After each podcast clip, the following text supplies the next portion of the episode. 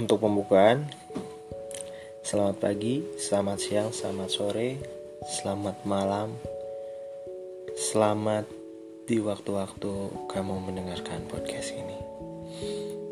Kenalkan, nama saya Merta. Identik dengan nama samaran. Saya akan menceritakan sebuah kisah atau sebuah cerita-cerita yang tak akan berujung.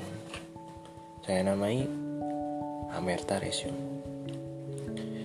Kali ini saya akan menceritakan cerita-cerita atau hal-hal yang pernah saya lewati.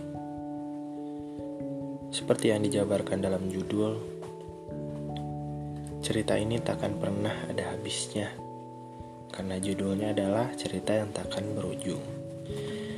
Karena si pembuat cerita ini menceritakan masa demi masa keberagaman dalam menjalin pertemanan, persahabatan, ataupun memaknai cinta dengan kebersamaan. Cerita ini mengandung banyak kata kebersamaan yang mungkin agak berlebihan. Diambil dari kisah nyata, kisah biografi perjalanan yang di dalamnya terdapat sebuah keidealisan atau akan sudut pandang tentang hubungan sosialis, mimpi-mimpi, harapan, keinginan, kebutuhan.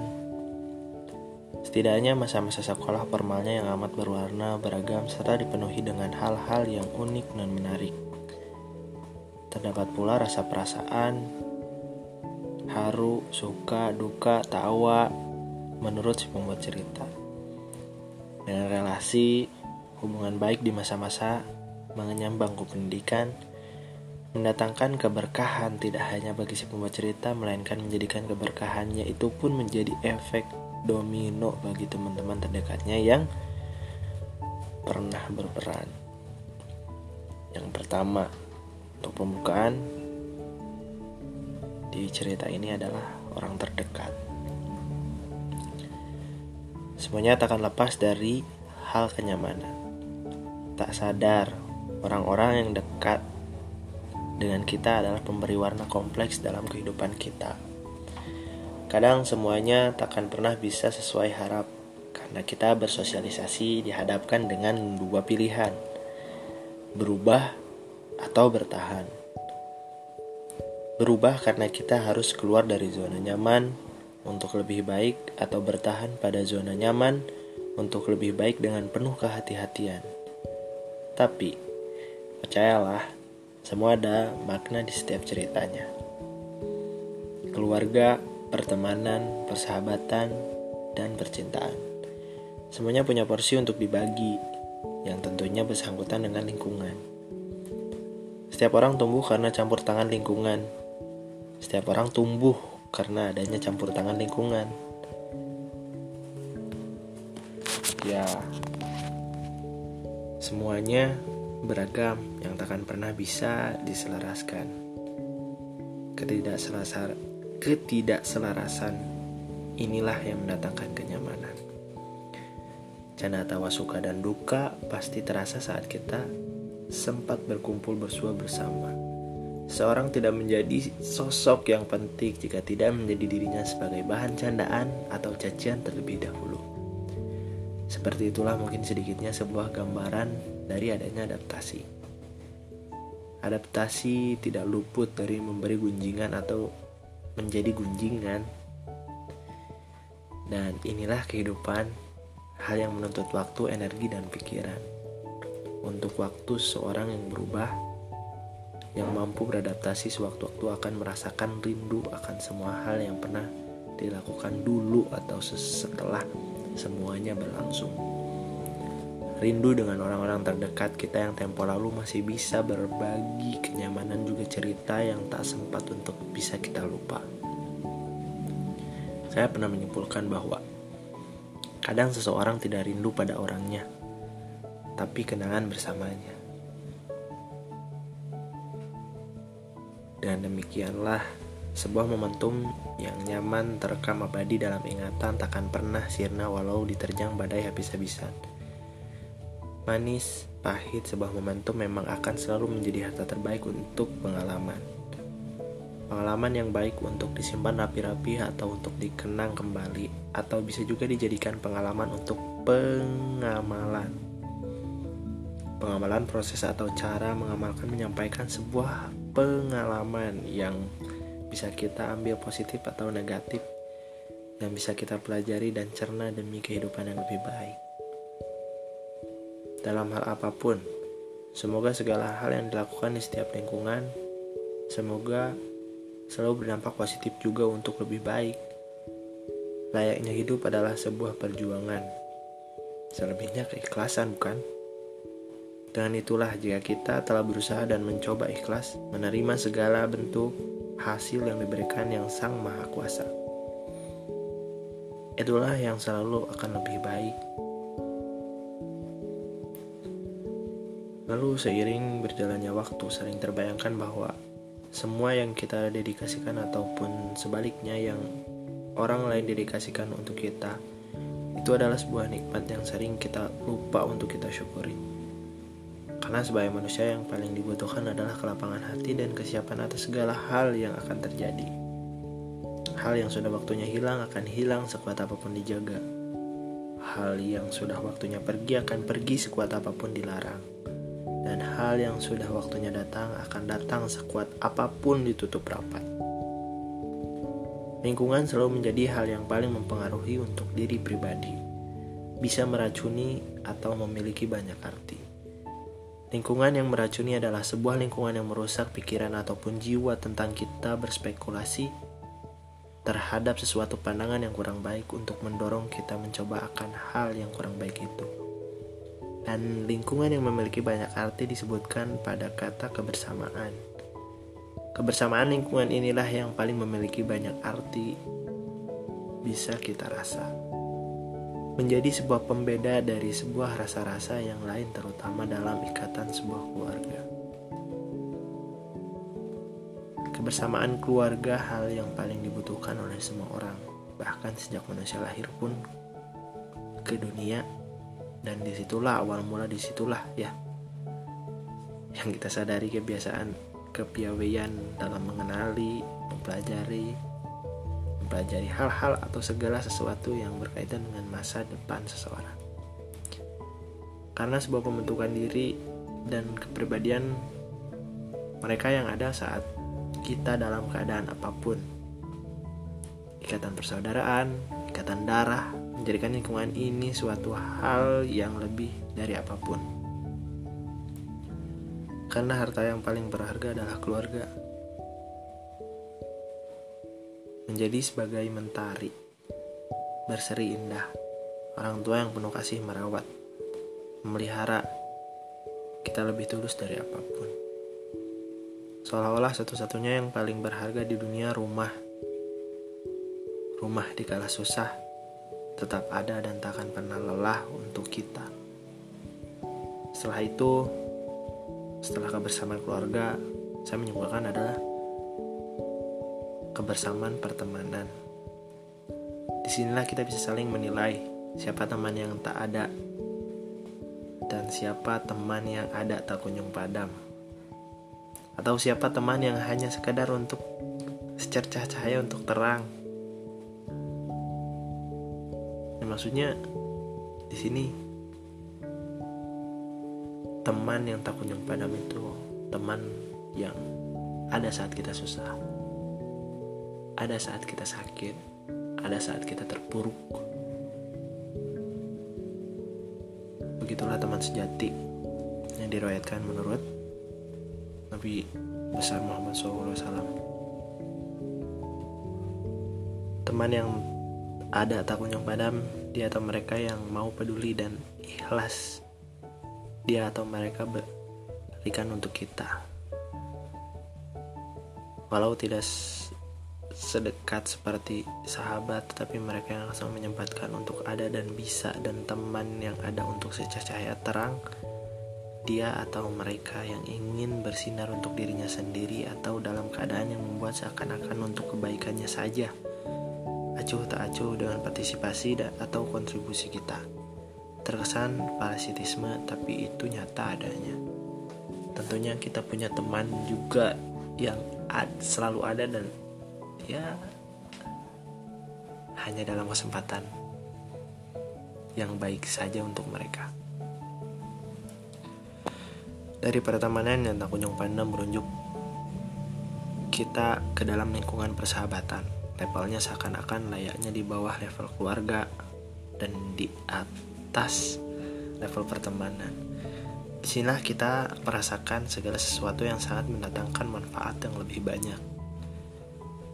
Mereka yang mendedikasikan untukmu segala hal yang bisa dia atau mereka buat untukmu juga ikhlas untuk kita. Mereka yang satu pikiran, satu rasa, layaknya satu bangunan seperti keluarga, satu sakit semua merasakan. Solidaritas, keadaan sifat, kukuh, berbobot akan suatu ikatan lebih dari pertemanan, sudah saling merasa mencukupkan dan memikul segala sesuatu masalah yang dihadapi dengan bersama.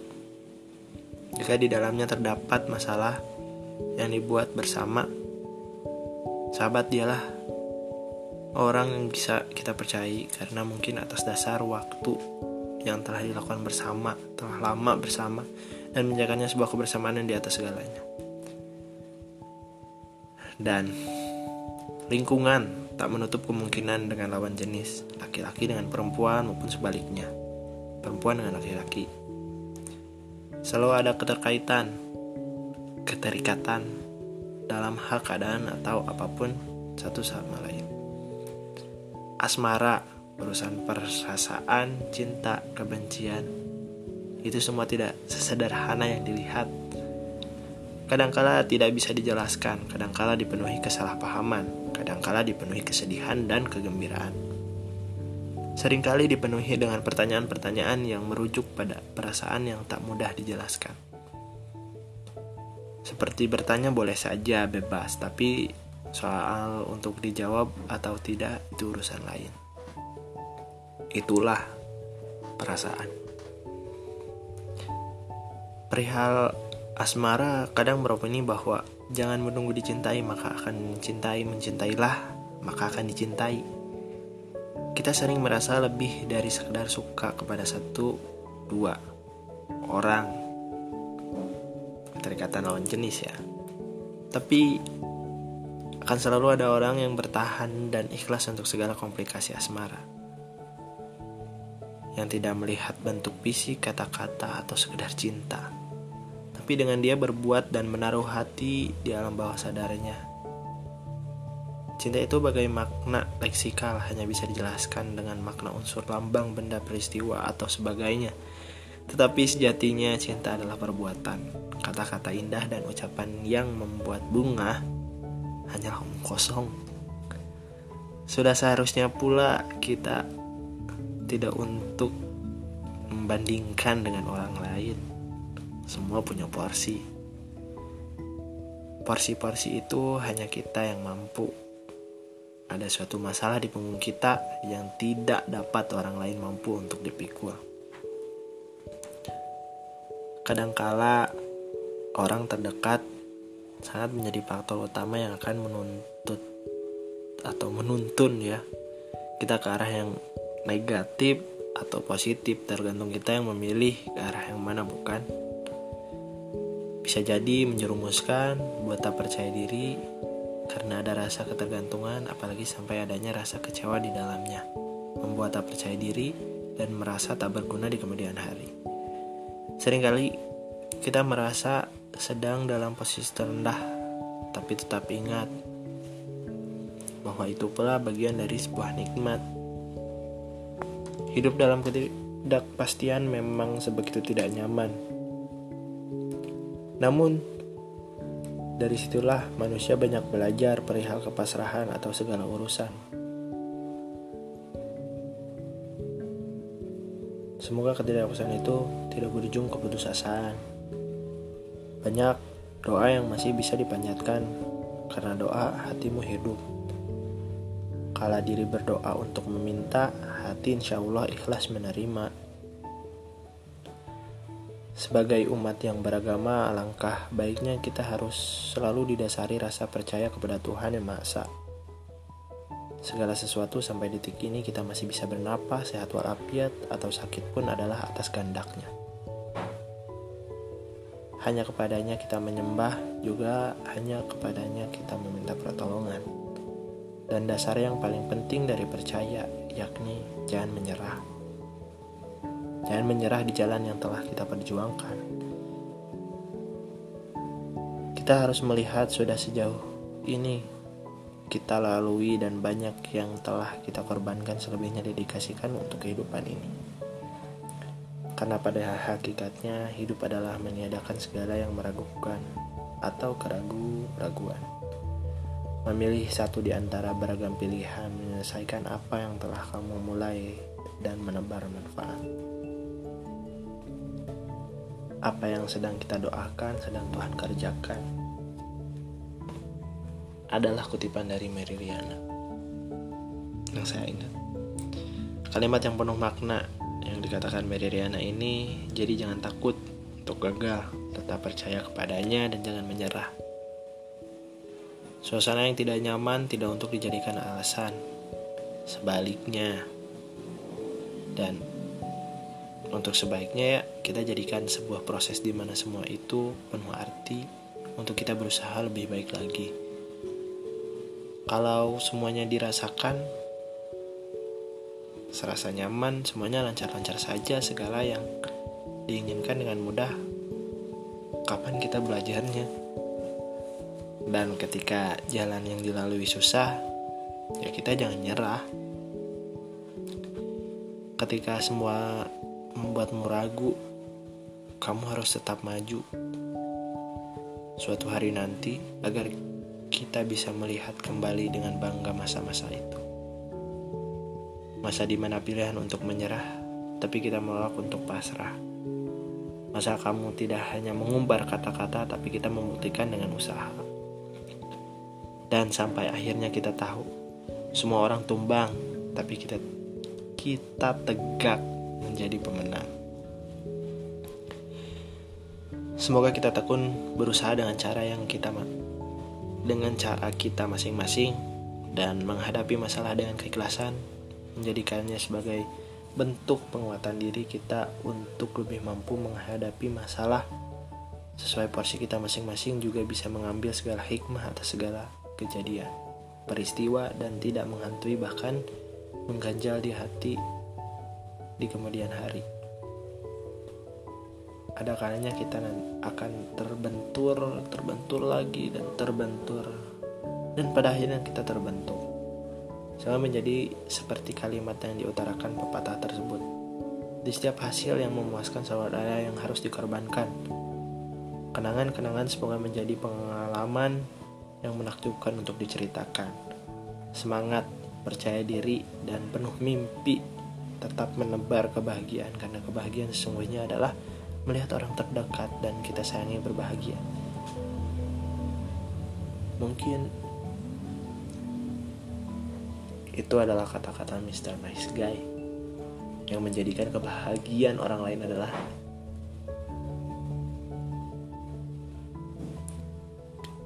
kebahagiaan diri kita untuk lebih. Tapi di tahun 2020 ini saya merasa bahwa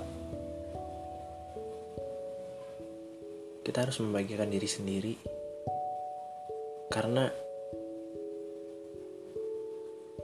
itulah yang bisa kita kendalikan.